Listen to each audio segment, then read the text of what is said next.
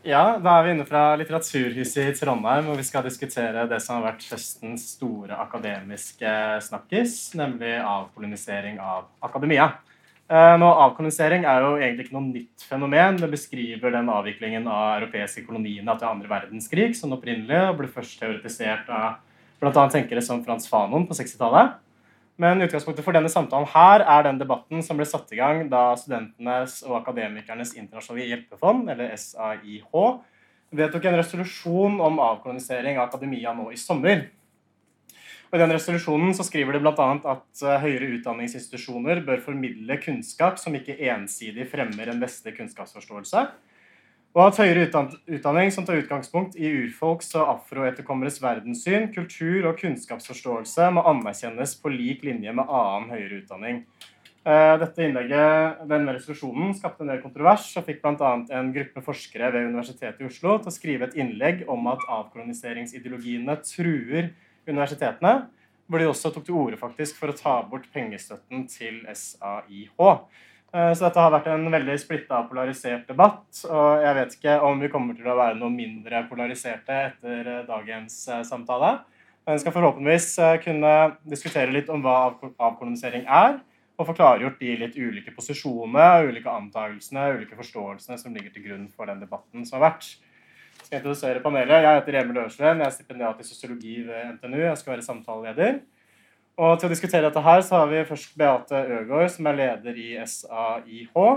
Vi har Stine Bang-Svendsen, som er førsteamanuensis i pedagogikk ved NTNU. Vi har Lasse Hodne, som er professor i kunsthistorie ved NTNU, og Sissel Berg, som er billedkunstner. Og til sist har vi Morten Dahlbakk, som er filosof og skribent i Adresseavisen. Eh, noe som er kjennetegna denne debatten, her, har jo vært at det har vært til dels ganske mange forståelser av avkolonisering som har versert. For noen så handler om representasjon på pensumlistene. For andre så representerer det en mer grunnleggende utfordring mot den vestlige normalvitenskapen. Så vi kan starte med deg, Beate, og så sende spørsmålet videre utover panelet. Om du kan si litt om hva du legger i avkolonisering, og hvordan du stiller, til, hvordan du stiller deg til debatten som har vært. Mm, takk for det. Uh, ja, først av alt så anerkjenner SIH at avkolonisering er et begrep som kan forstås på flere ulike måter. Men for SIH så handler avkolonisering av høyere utdanning om å identifisere måten bredere koloniale prosesser har skapt undertrykkende og skjeve maktstrukturer, systemer og dynamikker som påvirker hva som anerkjennes som kunnskap, hva som undervises, og hvem. Og det er jo bredere koloniale prosesser som har formet den moderne verden. Og det kommer bl.a. uttrykk gjennom ulike antakelser som at den ikke-vestlige verden henger etter, eller uh, henger etter Vesten i utvikling, at uh, man er ubevisst eller passive som aktører, eller antakelser som at de burde bli som oss. Uh, og den type antakelser og fordommer har en påvirkning på vårt syn på verden. Um, så når det kommer til innholdet i kunnskapen, så har fordommer og Vestens historiske dominans over verden uh, bidratt til å innsnevre fagfelt og også vår forståelse av verden. Uh, så selv om det er lenge siden kolonitiden i dag, så ligger fremdeles en del av tankemåtene lagret i oss og i uh, våre akademiske institusjoner. Um, jeg vil komme litt mer tilbake til debatten etterpå, men bare helt kort så mener jeg SAH at norske universiteter og høyskoler også bidrar til å plassere Vesten på toppen av dette kunnskapshierarkiet, eh, og at ikke-vestlige bidrag i stor grad blir underkommunisert eller ekskludert fra akademia. Og SRHs eh, ønske med å ta opp denne debatten er å belyse dette temaet, øke bevissthet og også skape rom for handling til å skape mer mangfold og inklusjon i dagens akademia. Ja. Uh, Sissel, du er jo billedkunstner og har jobba en del med Eh, sørsamiske perspektiver. Kan du si litt om avpoloniseringsdebatten fra ditt perspektiv? Ja, det, det, som har vært sagt, er at uh, Norge har ingen kolonifortid. Uh, og det jo, stemmer jo veldig lite. Vi har uh, en klar historie sterkt prega av erobring av landområder. Eh, men eh, de fortellingene om, om, eh, om de, disse erobringene er borte i forhold til vår selvforståelse. Det, den samiske historien har blitt eh, ekskludert gjennom eh, vitenskapens såkalte objektive eh, forskning.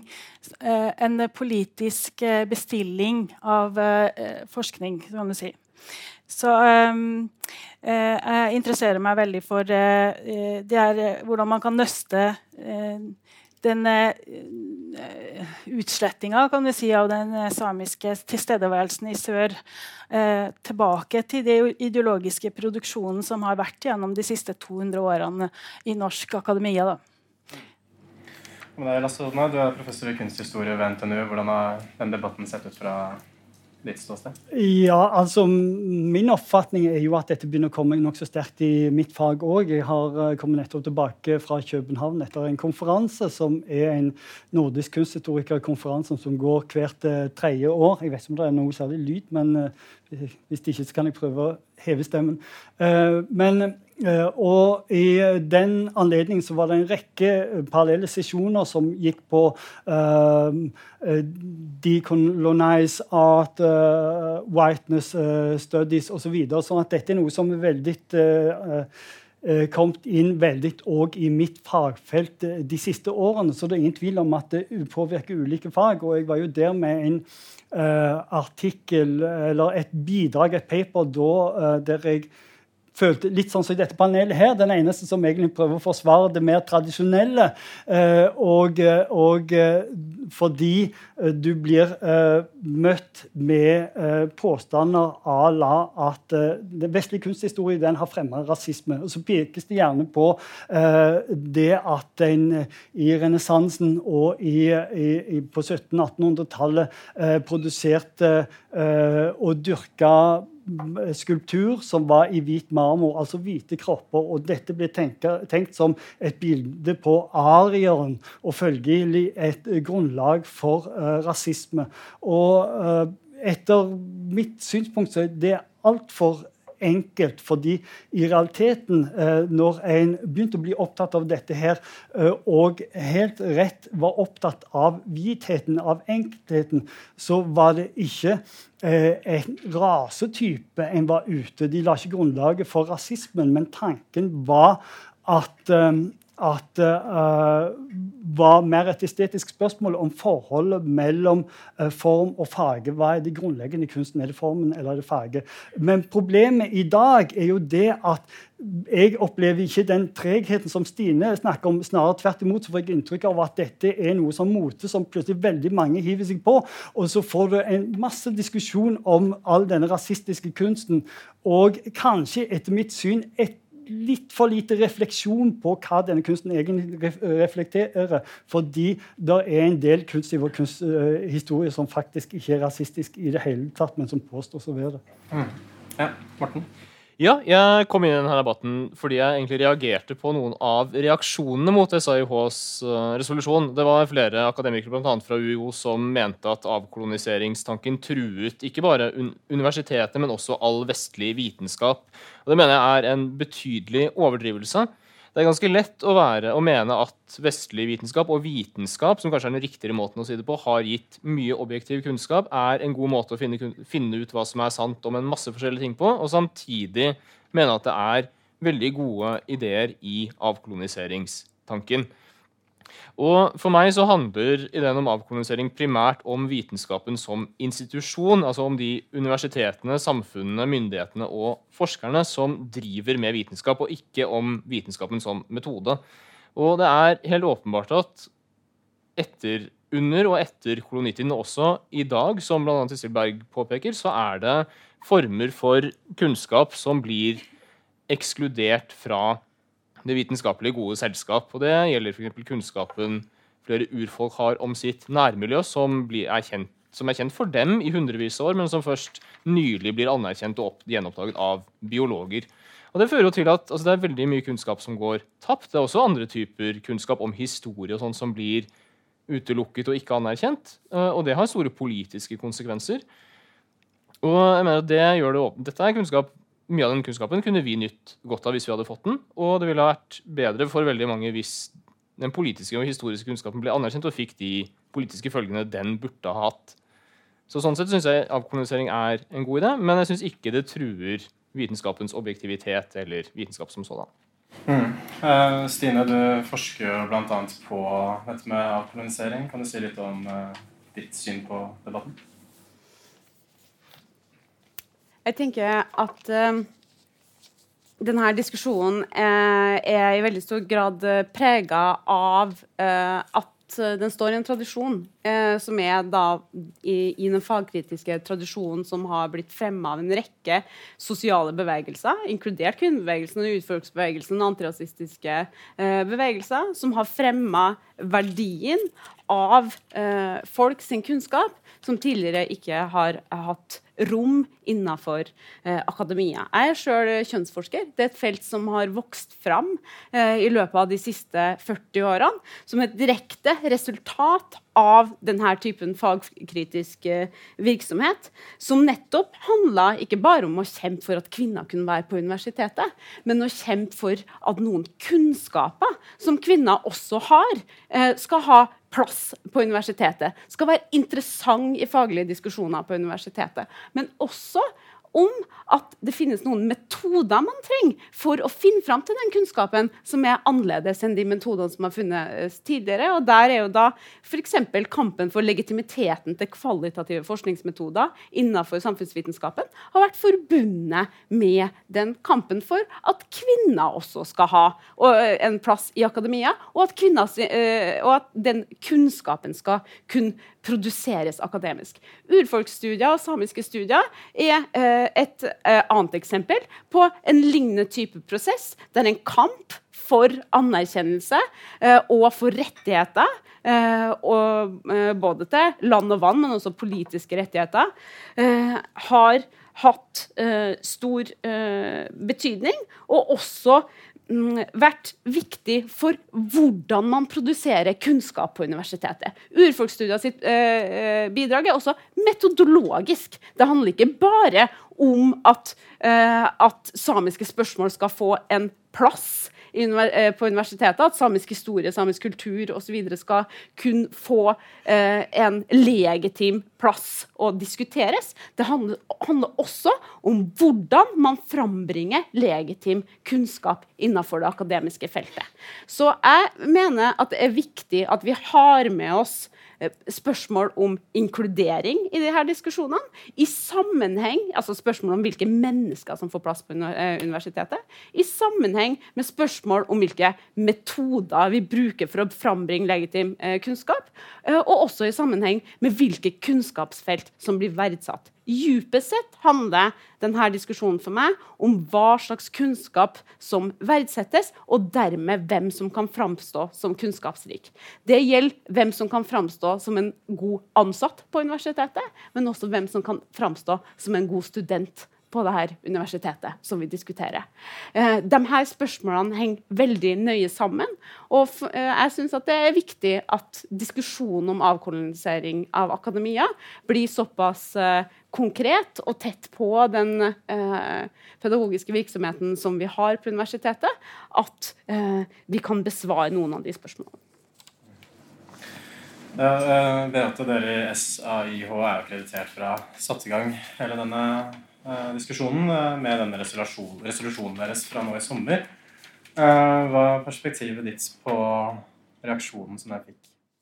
Ja, Først må jeg jo bare si litt generelt om selve debatten. Nå er det jo første gang en resolusjon i SRH har klart å skape så mye oppmerksomhet. SRH har talt over 100 medieoppslag i både små og store aviser i løpet av ja, de fire-fem siste månedene, som er eh, ganske stort for oss. Og også gøy at det har skapt så mye engasjement og interesse.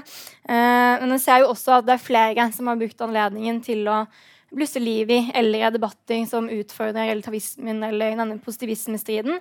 Og så er det jo også noen som eh, har brukt anledningen til å føle seg krenket som eh, hvite, vestlige professorer med fast stilling.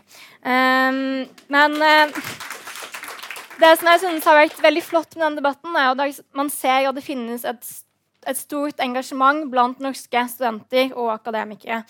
Uh, og at den har klart å favne bredt. Det er akademikere innenfor uh, veldig mange forskjellige fagfelt, også studenter fra ulike institusjoner over hele landet. Hvis man kun ser i mediebildet, så kan man uh, fort få inntrykk av at det blir dominert av hovedstaden og Oslo-professorer, men man har sett flere som har engasjert seg fra Kristiansand i sør til Kautokeino i nord. Så det er veldig fint. Um, og For å oppsummere litt, da, så tror jeg at debatten for vår del har vært både og. Man har sett at det er visse stemmer som har fått mye plass, og at når man tar den type diskusjoner i media uten at man klarer å være enige eller ha konsensus rundt begrepsbruken, det er så mange forskjellige forståelser av selve konseptet av kolonisering, eh, så har debatten blitt mer polarisert enn det som SRH hadde ønsket seg i utgangspunktet. Ytterpunktene Utepunktene har fått mye plass. I tillegg så er det jo en del av eh, måten man deltar i det offentlige ordskiftet på. At man ofte får et begrenset antall tegn og ord til å forklare seg. Og det skaper lite rom for dialog og meningsbryting på en konstruktiv måte. Um, når det kom til denne resolusjonen og selve bakgrunnen for den, uh, så henger det sammen med SRHs virke og egentlig arbeid helt siden 60-tallet, når SRH ble startet i 1961. For SRH har uh, siden 60-tallet jobbet sammen med partnere i det globale sør i deres kamp for frigjøring og avkolonisering. Um, SRH ble startet som del av norske studenter og akademikeres engasjement i kampen mot apartheidregimet i Sør-Afrika, og støttet senere på 70- og 80-tallet opp om latinamerikanske frigjøringsbevegelser og deres kamp mot koloniherrene.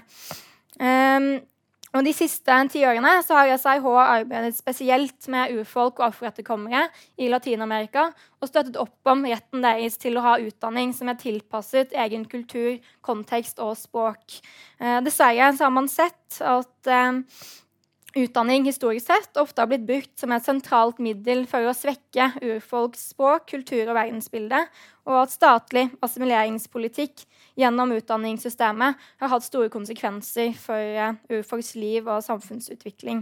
Uh, og Derfor støtter SIH bl.a. opp for våre partnere som uh, autonome urfolksuniversiteter i Nicaragua og Colombia, for at de skal kunne bli godkjent og bli verifisert og kunne operere på lik linje som andre universiteter som kanskje blir sett på i en mer vestlig eller mainstream forstand.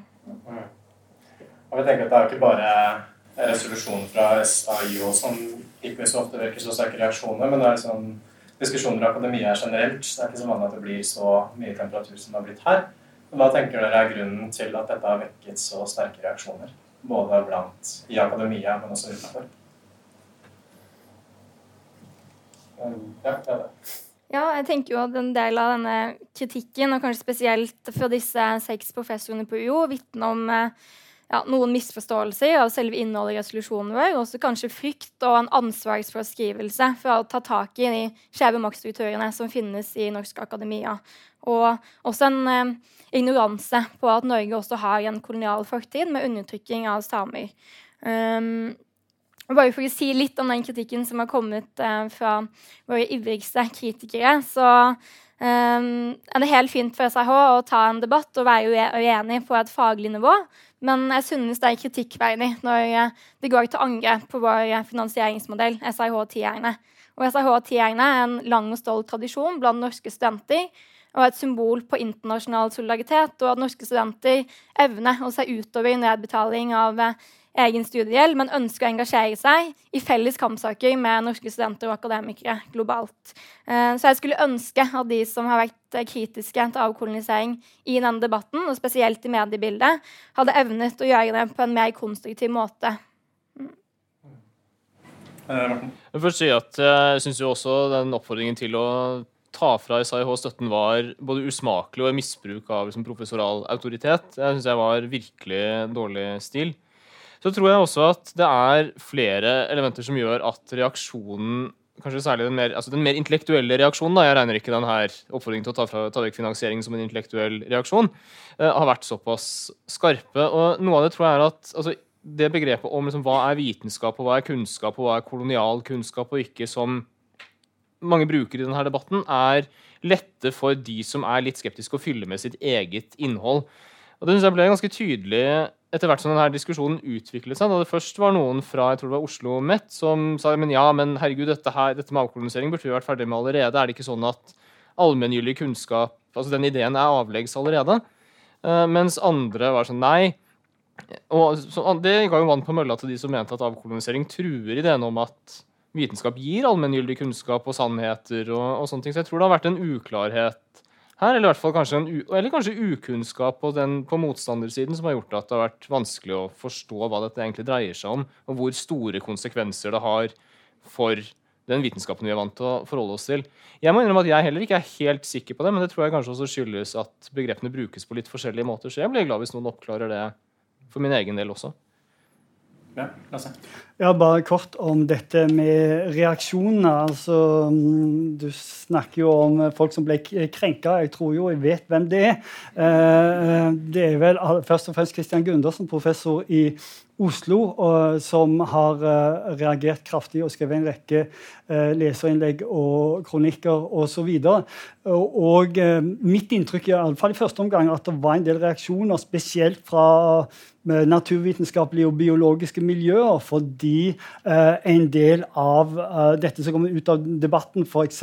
dette å erkjenne urfolks eh, kunnskap Jeg tror til og med det var nevnt noe med sjamanisme der. Og sånn, og, og eh, folk som jobber med medisin, plutselig ser eh, for seg at de skal gi offentlig støtte og godkjenning til eh, universiteter og andre institusjoner som driver med behandlingsmåter som overhodet ikke er forska på uh, vitenskapelig.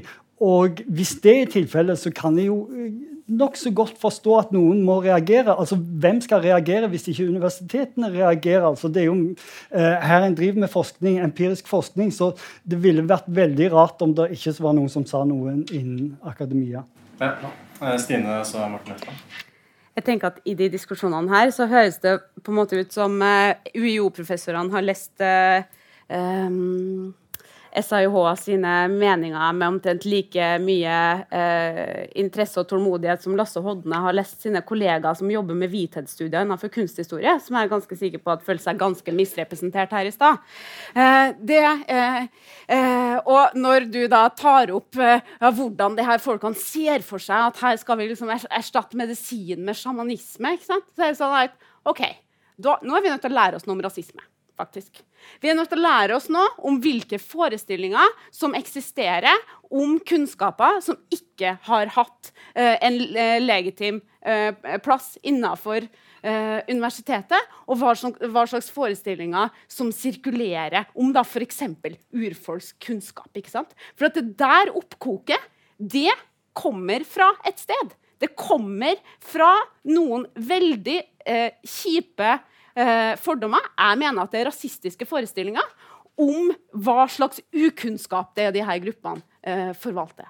Så eh, jeg eh, tenker at det er ingen grunn til å være så, eh, så eh, forståelsesfull da, overfor de her professorene, som jeg tenker at dypest sett ser at OK, hvis at vi skal gå i rett Hvis at vi skal se på hva slags kontekst kunnskap er produsert i, for det er viktig her fordi, altså, et sentralt redskap for å produsere kolonial kunnskap er å ta den ut av sin kontekst. Og Gjennom å ta den ut av sin kontekst så kan du framstille den som allmenngyldig. Altså ikke noe som kommer fra en bestemt politisk, sosial, historisk kontekst, men noe som gjelder alt og alle. ikke sant? Nå er det sånn at uh, det fører til at man er nødt til å overse veldig mye. Eh, eh, og eh, vi kan, vi, kan, gå nærmere inn i den typen diskusjoner her. Men hovedpoenget mitt nå er at det er noen som har interesse av å forvalte denne dekontekstualiserte kunnskapen som framstår som universell, selv om den ikke er det. Og det er bl.a. de her professorene som reagerer voldsomt da, når eh, SIH utfordrer deres eh, autoritet.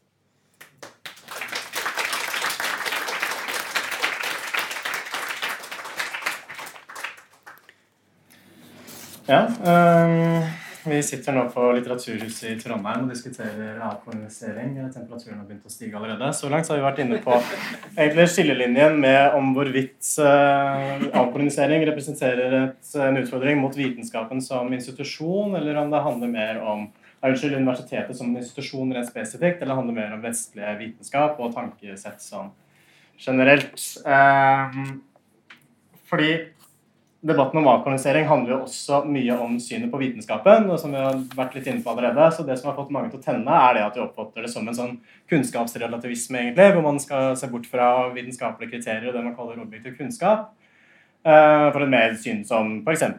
løfter opp sjamanisme på lik linje med legevitenskapen. Eh, samtidig så eh, er det en tid nå hvor vitenskapen blir utfordret fra ganske mange ulike kanter, f.eks. fra høyrepopulistisk hold. I klimadebatten er det mye fokus på som vitenskapelig konsensus. Hvordan tenker dere at avkoloniseringsdebatten spiller inn i de type debattene? Kan ikke dette bidra til å svekke vitenskapens legitimitet enda mer enn den kanskje allerede er? Ja, ja, jeg tenker tvert om. Jeg tenker at avkolonisering mer enn noe annet enn pro-vitenskapskampanje. Og det er jo flere i løpet av denne debatten som har tillagt SIH å mene at man skal forkaste Darwins eh, evolusjonslære, eller at man støtter opp om vaksinemotstandere.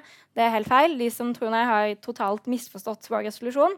Um, og jeg tenker også det handler igjen om uh, det, det, som man allerede har vært inne på, at um, vitenskapen er en institusjon.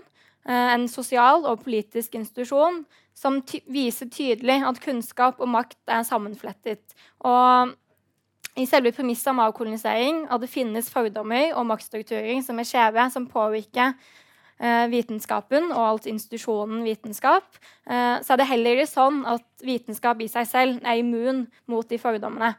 Men jeg mener at vitenskapen eh, Jeg har veldig høye tanker om vitenskapen, og jeg tenker at vitenskapen må alltid forsøke å beseire disse fordommene.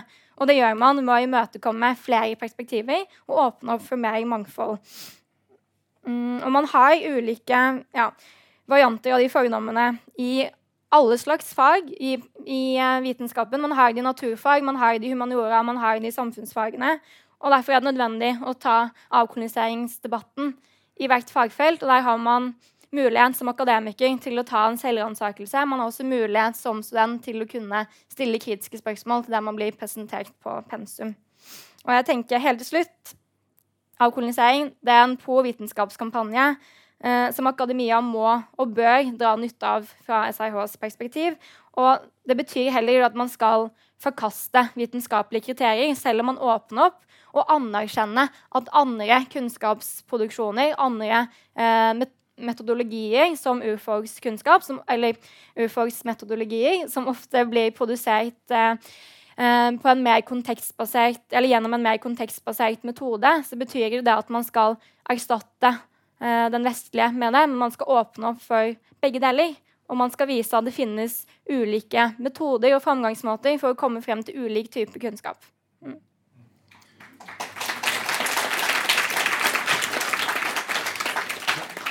Ja, siden jeg da ikke kommer fra akademia, i og med at jeg opererer innenfor kunstfeltet, så tenker jeg jo at uh, kunnskap den dannes i feltene imellom ulike former for kunnskap.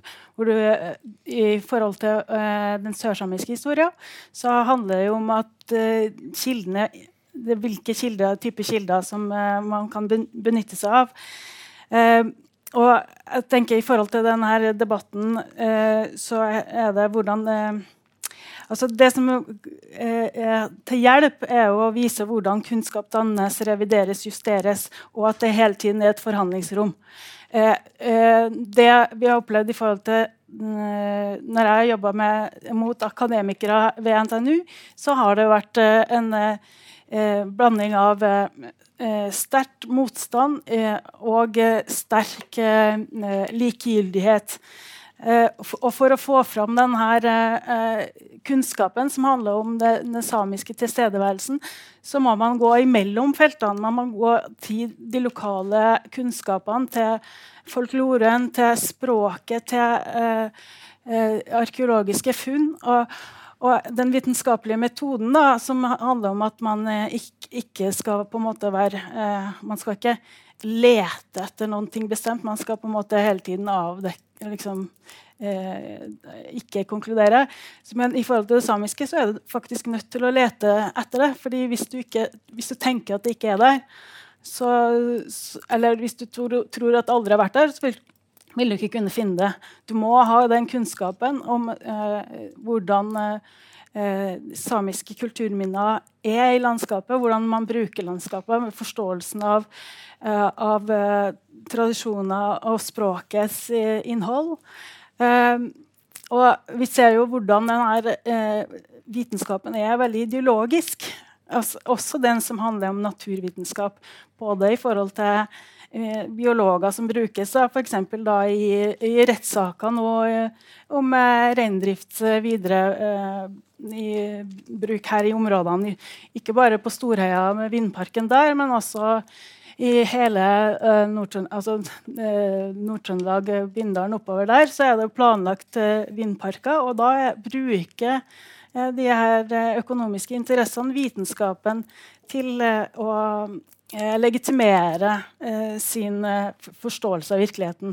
Og da er det sånn at den kunnskapen som folk da har gjennom lange tider overført uh, fra generasjoner, observasjoner, tilstedeværelse, den er en veldig underkjent eh, innenfor uh, akademia.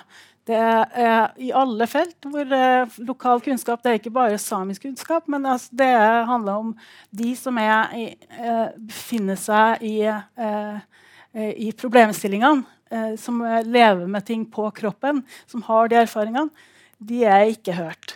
Så kanskje så må dekolonialisering av akademiet også handle om de her maktstrukturene innenfor uh, hvordan kunnskap dannes.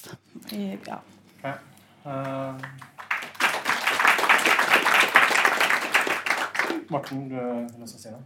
Ja, det var, var, flere forskjellige utfordringer av vitenskapen og vitenskapelige institusjonene som ble trukket fram her. Både som avkolonisering og også høyrepopulister, klimafornektere og osv. Jeg mener at altså, de to de typene utfordringer er grunnleggende forskjellige.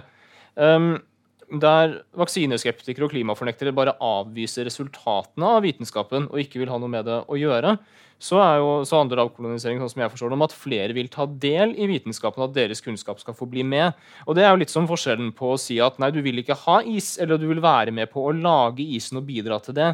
Det mener jeg er to veldig veldig forskjellige ting. Så det er, det er også veldig, snakk om veldig forskjellige utfordringer som må behandles og diskuteres på to helt forskjellige måter, tror jeg. Mm.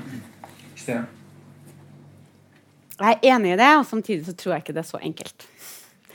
Uh, og jeg tror ikke at det er så enkelt, fordi at uh, det er sånn at uh, den her vitenskapelige objektiviteten som, man, som sirkulerer i de her sammenhengene her, den er vi ikke enige om at er, er riktig og viktig.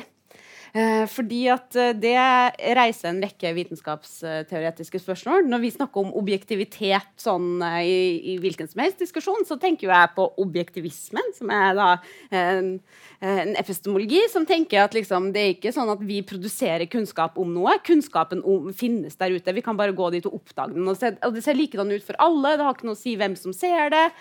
og det er da objektivismen som, som epistemologi teknologi. Det er jeg uenig i. Ikke sant? Jeg tenker at Sånn er det ikke. Det er ikke tilfellet. Det er sånn at det har faktisk noen å si uh, uh, hvem som ser det, med hvilke briller og med hvilke metoder vedkommende uh, ser det osv. Det har noe å si hva slags språk vedkommende har for å italesette den kunnskapen, hva slags kulturelle koder og uh, mønster man har for å forstå den, uh, og, og, hvordan man kan uttrykke den. ikke sant? Dette er grunnleggende tema innenfor den uh, vitenskapsteoretiske uh, diskusjonen som de her sosiale bevegelsene som jeg snakka om tidligere, antirasistiske, antikoloniale, feministiske uh, bevegelser, urfolksbevegelser osv., har reist. Og det er fordi da, man har reist de her diskusjonene fordi at de her vitenskapsteoretiske spørsmålene faktisk har noen veldig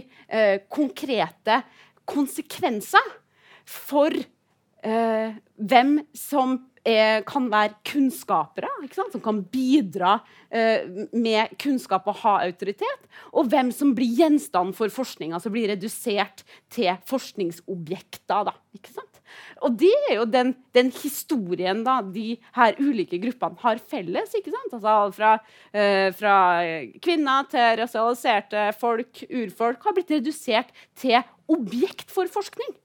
Og da er det jo også sånn at hvis at vi ser spesifikt på urfolksspørsmål, så er det sånn at også i norsk sammenheng så har eh, forskere bidratt til eh, da rasebiologiske målinger, f.eks. på 1900-tallet. eh, i vitenskapens navn. Alle sammen syns at eh, på det eh, tidspunktet, de aller fleste i alle fall, tenkte at her, det her var en legitim vitenskapelig praksis. Det var et overgrep, kan vi si i dag. ikke sant?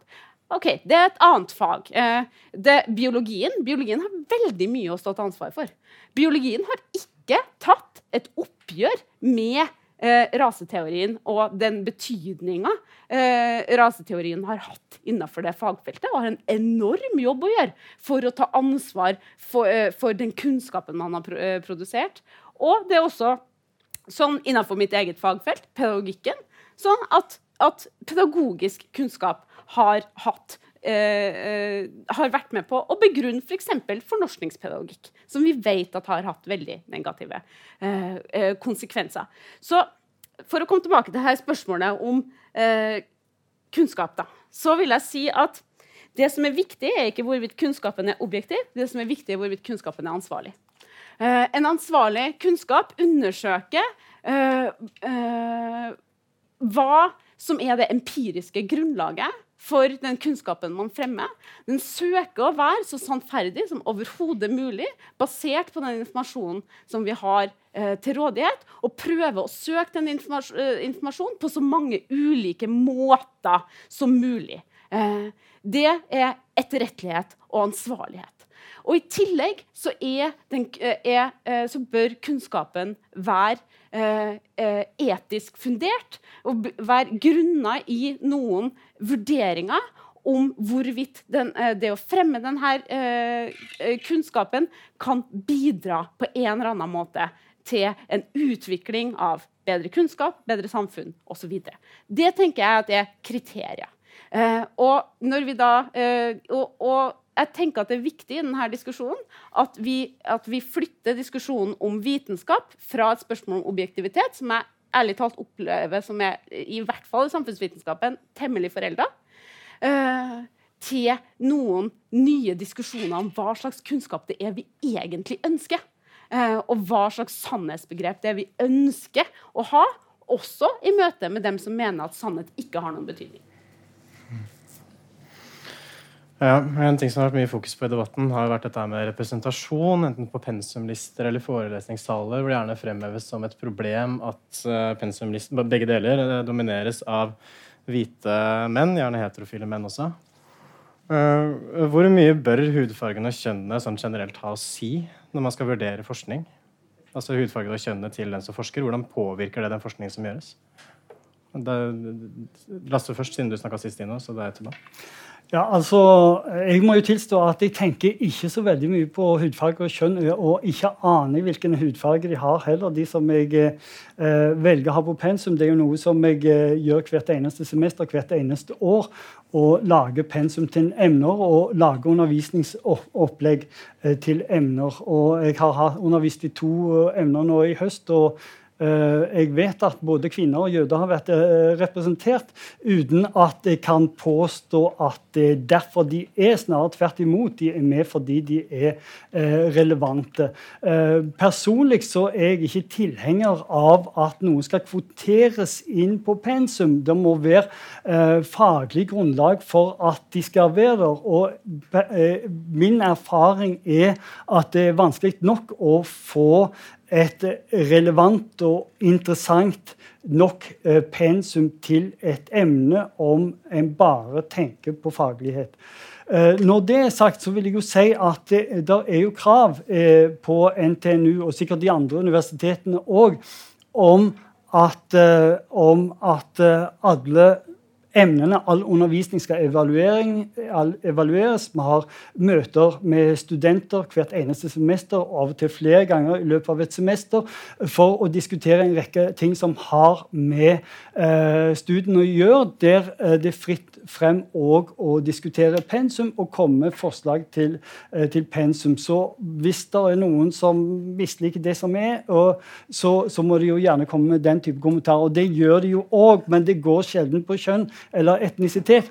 Eh, det går mer på uh, at uh, en ønsker relevant og, og, og, gjerne helst enkle ting. Ja. NRK P2 sender aktuelle debatter fra ulike scener i landet.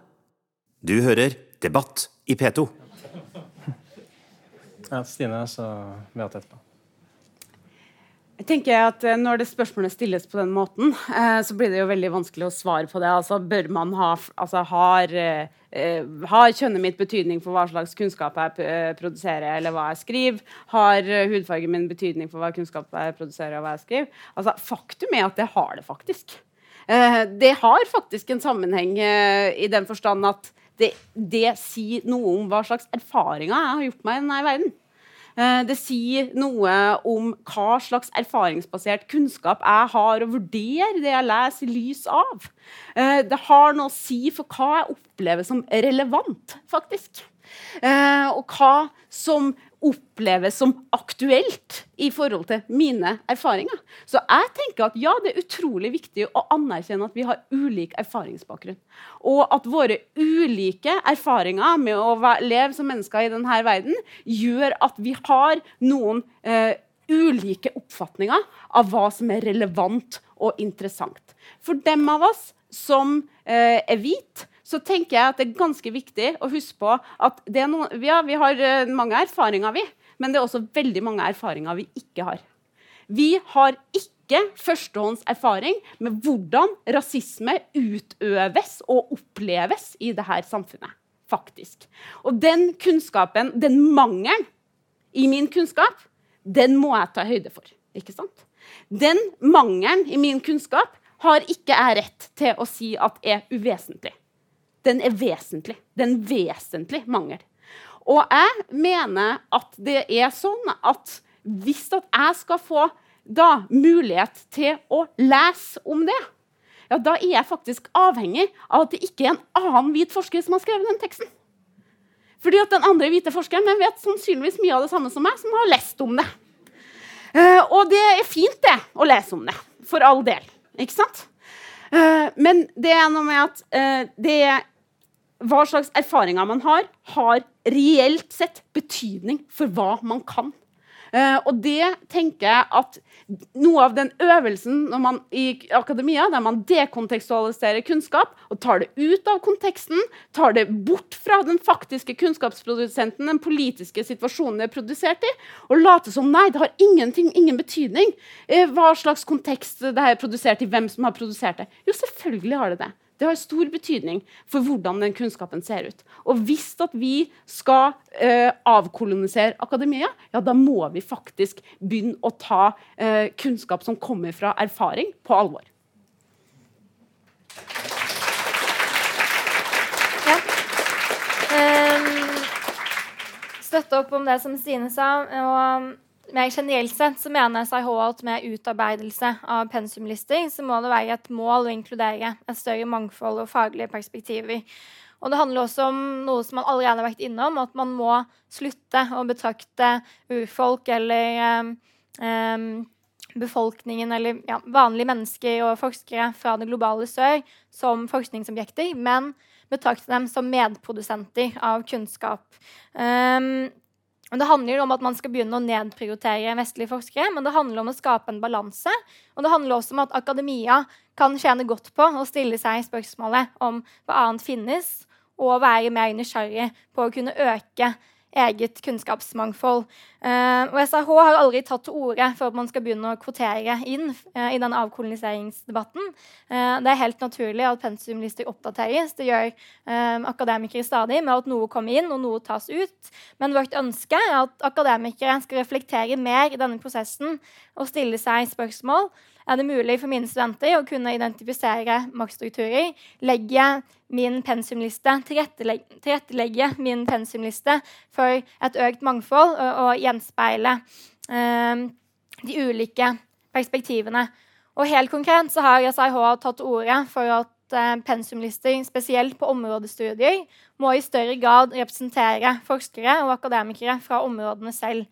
Og man ser dessverre i dag at det er um, en overvekt av akademikere som enten er fra vestlige land eller basert i Vesten. Um, og det er, det er, jo sånn at Hvis man leser ja, f.eks. en akademisk tekst om eh, Mosambik eller om Nicaragua, og denne artikkelen er skrevet av en vestlig akademiker, eh, så vil den se annerledes ut om den hadde vært skrevet fra en akademiker fra Mosambik eller fra Nicaragua. Så forskerens eget ståsted vil alltid ha noe å si. Og det handler jo om at man skal slutte å eh, verdsette den kunnskapen som blir produsert av vestlige akademikere som har en stor interesse for globale tema. Men det handler om at man må skape en balanse, og at man må inkludere flere stemmer og flere perspektiver.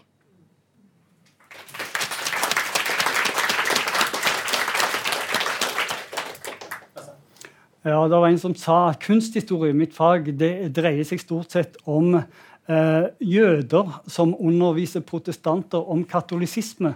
Eh, eh, så jeg tror jo generelt eh, tradisjonelt har vært nokså uh, sammensatt. Men jeg kan bare si litt om mine egne erfaringer med det å jobbe med studenter sammen med studenter. Jeg underviser på alle nivåer, på fordypningsnivå, innledende nivå og har et emne på innledende nivå og tar imot eh, studenter som kommer direkte fra videregående, en del av de. Og hvilke utfordringer har de? Eh, jo, eh, de er vant med å lese lærebøker som liksom representerer sannheten om et eller annet. Og for de å komme på universitetet og se at det finnes bøker og artikler som faktisk sier forskjellige ting, det er en nokså ny erfaring for mange av de. Og da har jeg, et av de emnene som jeg underviser, lagt opp et pensum der tekstene faktisk motsier hverandre. Der de først skal lese én tekst, og så diskuterer vi den. Og så skal de lese en annen tekst som diskuterer det samme verket, men fra en annen vinkel, fra, en, fra et annet teoretisk ståsted, som sier noe helt annet. Og så må de på et vis forholde seg det, eh, til det og skrive en oppgave på det. Så det er på et vis, sånn som jeg ser det, den naturlige inngangen til akademia. Og så kom, kan alt dette her som Stine snakker om, òg komme. Men først så må du på et vis få de introdusert til at uh, spesielt humaniora, som jeg sjøl jobber i, er et fag der du knapt kan snakke om absolutte sannheter. Altså, det er jo noe alle vet. Altså, det, finnes, finnes ikke noe siste sannhet, det siste en vet om akkurat dette faget. Uh, og Da kan du godt begynne der. Du kan du godt begynne med å fortelle dem at det finnes, uh, finnes ulike meninger. Og som sagt, I det pensumet som finnes det både kvinner og menn og med ulik bakgrunn. Men det er ikke derfor de er der. Det er fordi de sier ulike ting og har ulike teorier. Mm. Uh, Morten? Ja, jeg kommer jo fra en av de uh, få delene av humaniora hvor det ofte finnes som endegyldige sannheter. I hvert fall så liker man å tro det selv, nemlig analytisk filosofi. Og så det, Vi snakker i hvert fall på den måten. Og jeg har jo også undervist i det, det, faget og lest mye der. Og det er klart at det aller, aller meste av litteraturen er skrevet av hvite menn, gjerne fra USA eller England. Og det, er, det, kan være vanskelig å finne litteratur som er skrevet av folk med en annen etnisk bakgrunn, en annen nasjonal bakgrunn, en annen språklig bakgrunn. Grunnen til det er at universitetene i særlig USA har en så dominerende posisjon der, og rekrutteringen deres er, går ikke akkurat i favør av folk med minoritetsbakgrunn. Så det gjør det vanskelig. Men de siste sånn fem-seks årene så det, er det stadig flere fra andre land, fra Asia, fra Afrika og fra Latin-Amerika, som har har gjort seg bemerket. Og det går an for den som lager pensum i den typen fag, å finne forfattere fra de regionene og bruke dem istedenfor en Harvard-fyr som sier nesten akkurat det samme, men er publisert i et litt finere tidsskrift. Så det, jeg tror det er fullt mulig i humaniora også. Ja. Stina? Ja, det I forhold til de her spørsmålene om hvem, hvem som produserer hva slags uh, kunnskap, så tenker jeg uh, at uh, det som er viktig her, er jo på en måte å anerkjenne at det finnes en sammenheng mellom erfaringene du gjør deg i livet, og den kunnskapen du kan produsere. Faktisk. Altså, det, er helt grunn, det, det, er helt grunnleggende. Helt basic, liksom. Uh, og det gjør at det er sånn at hvis at du da skal representere reelt sett uh, ulike perspektiver, ja, så vil det også fort være sånn at du representerer reelt sett ulike folk. Men så er det sånn da, ikke sant? at innafor eh, mange fag så har man lagd seg en sånn her andedam der man bare da representerer de uenighetene som man har hatt innafor det eh, faget, og at man ikke tar inn noen perspektiver utafra. Fra folk som har hatt noen andre erfaringer. Eh, det krever faktisk at man åpner opp de faglige diskusjonene for noen eh, spørsmål som kommer det som oppleves utafor disiplin. Altså, Hvis at man skal eh, gjøre denne dekoloniseringsprosessen i forhold til eh, pensum, så må man stille noen spørsmål knytta til disiplinaritet i forhold til, eh, og spørsmål om hva som er ramma for den disiplinen man forvalter. Uh, det tenker jeg at, uh, er viktig å ha med seg her også. Men så vil jeg si noe sånn ganske sånn praktisk om uh, emnerevideringer. Vi holder på med emnerevidering, vi som jobber på universitetet. Ganske mye. det tar ganske mye tid, faktisk. og så er det sånn at I de emnerevideringsprosessene så sitter vi og strever noe voldsomt for å bruke de riktige verbene som NOKUT har bestemt at vi skal bruke, på riktig nivå. Eh, i, i, forhold til de ulike emnebeskrivelsene. Her jobber vi veldig hardt med. Og så tenker jeg at Hvis at vi kunne ha lagt 10% av innsatsen vi legger ned for å møte NOKUT sine standardiseringskrav, til å tenke gjennom hva slags kunnskaper er det vi fremmer verdien av i dette kurset, så tror jeg faktisk vi har kunnet komme ganske langt. Det er ikke bare en spøk, det her med NOKUT. fordi at de standardiseringskravene de har òg noen konsekvenser for hva, hvordan vi er nødt til å formulere sånne læringsutbyttebeskrivelser. Det ligger noen standardiseringer der knytta til hva slags kunnskap som vi får, får til, klarer og, og, og legge inn i de her emnebeskrivelsene. Og Der tenker jeg også at det er noen utdanningspolitiske spørsmål knytta til standardiseringsprosesser i høyere utdanning, eh, også, men, men, også eh, eh, i, eh, i, skolen, som er eh, prosesser som veldig ofte fører til standardisering på måter som også dekontekstualiserer kunnskap, og ikke hjelper oss til å skape mer eh, mangfold i den kunnskapen vi fremmer. Jeg eh, har lyst til å stille to spørsmål til, så ser jeg at vi begynner å gå litt uh, på tiden. Så vi skal svare litt kortere på de, kanskje? Eller kort, i hvert fall. Slik at vi er innenfor rammene. Um, fordi uh, Vi har snakket mye om uh, kunnskapssyn, men dette er altså en samfunnsdebatt. I hvert fall opplever jeg det sånn, og det er en ganske utbredt oppfatning blant nordmenn hvert fall, at Norge ikke har vært en kolonimakt. For så sa Jens Stoltenberg i 2016 at Norge er så høyt verdsatt ute i verden fordi vi ikke har noen kolonial fortid. Samtidig, når man hører den debatten her nå, så får man et litt annet bilde. Så i hvor stor grad handler dette om forskjellig syn på hva slags samfunn vi lever i? Og hva som har preget det samfunnet historisk? Det tenker jeg Vi er veldig sterkt prega av denne produksjonen av fortellinga om Norge.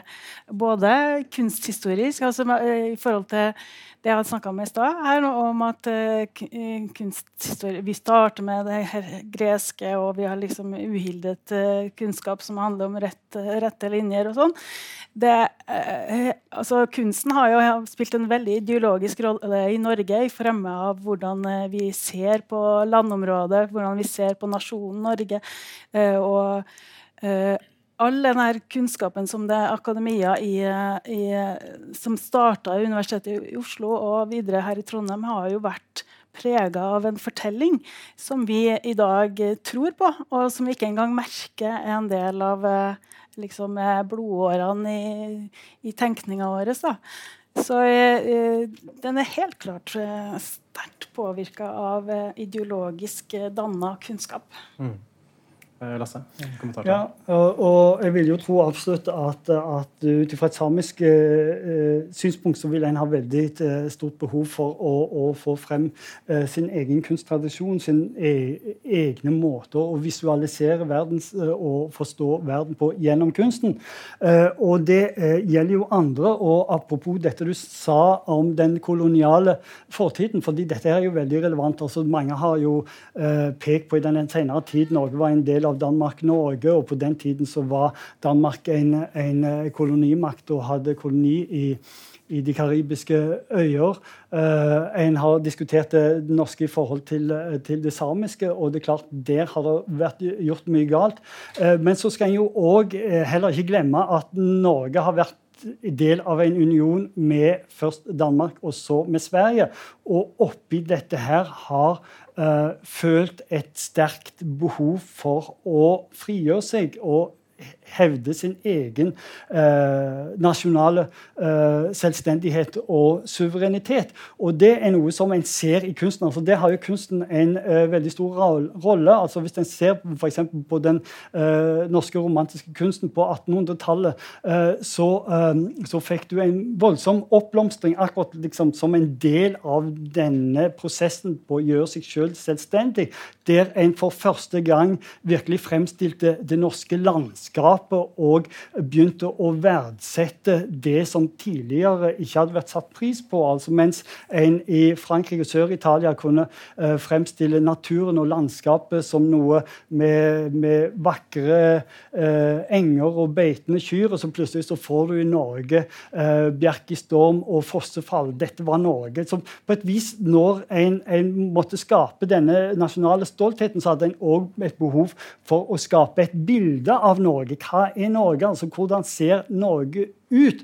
Og der har eh, kunsten tror jeg, gjort et eh, viktig bidrag. Men da skal en jo være klar over at selvfølgelig dette er eh, en utfordring for mange, for urfolken og for urbefolkningen, men òg egentlig for alle land, alle nasjoner som på et vis ikke har følt seg sjøl i eh, hjertet av den klassiske tradisjonen. Alle litt i periferien, eh, selv om en ja, så eh, ikke er på et vis et forfulgt folkeslag. Når en skaper eh, nasjonal identitet, så bruker en kunsten. Mm. Right, supert. Da setter vi strek der. Takk for oppmerksomheten og takk til panelet.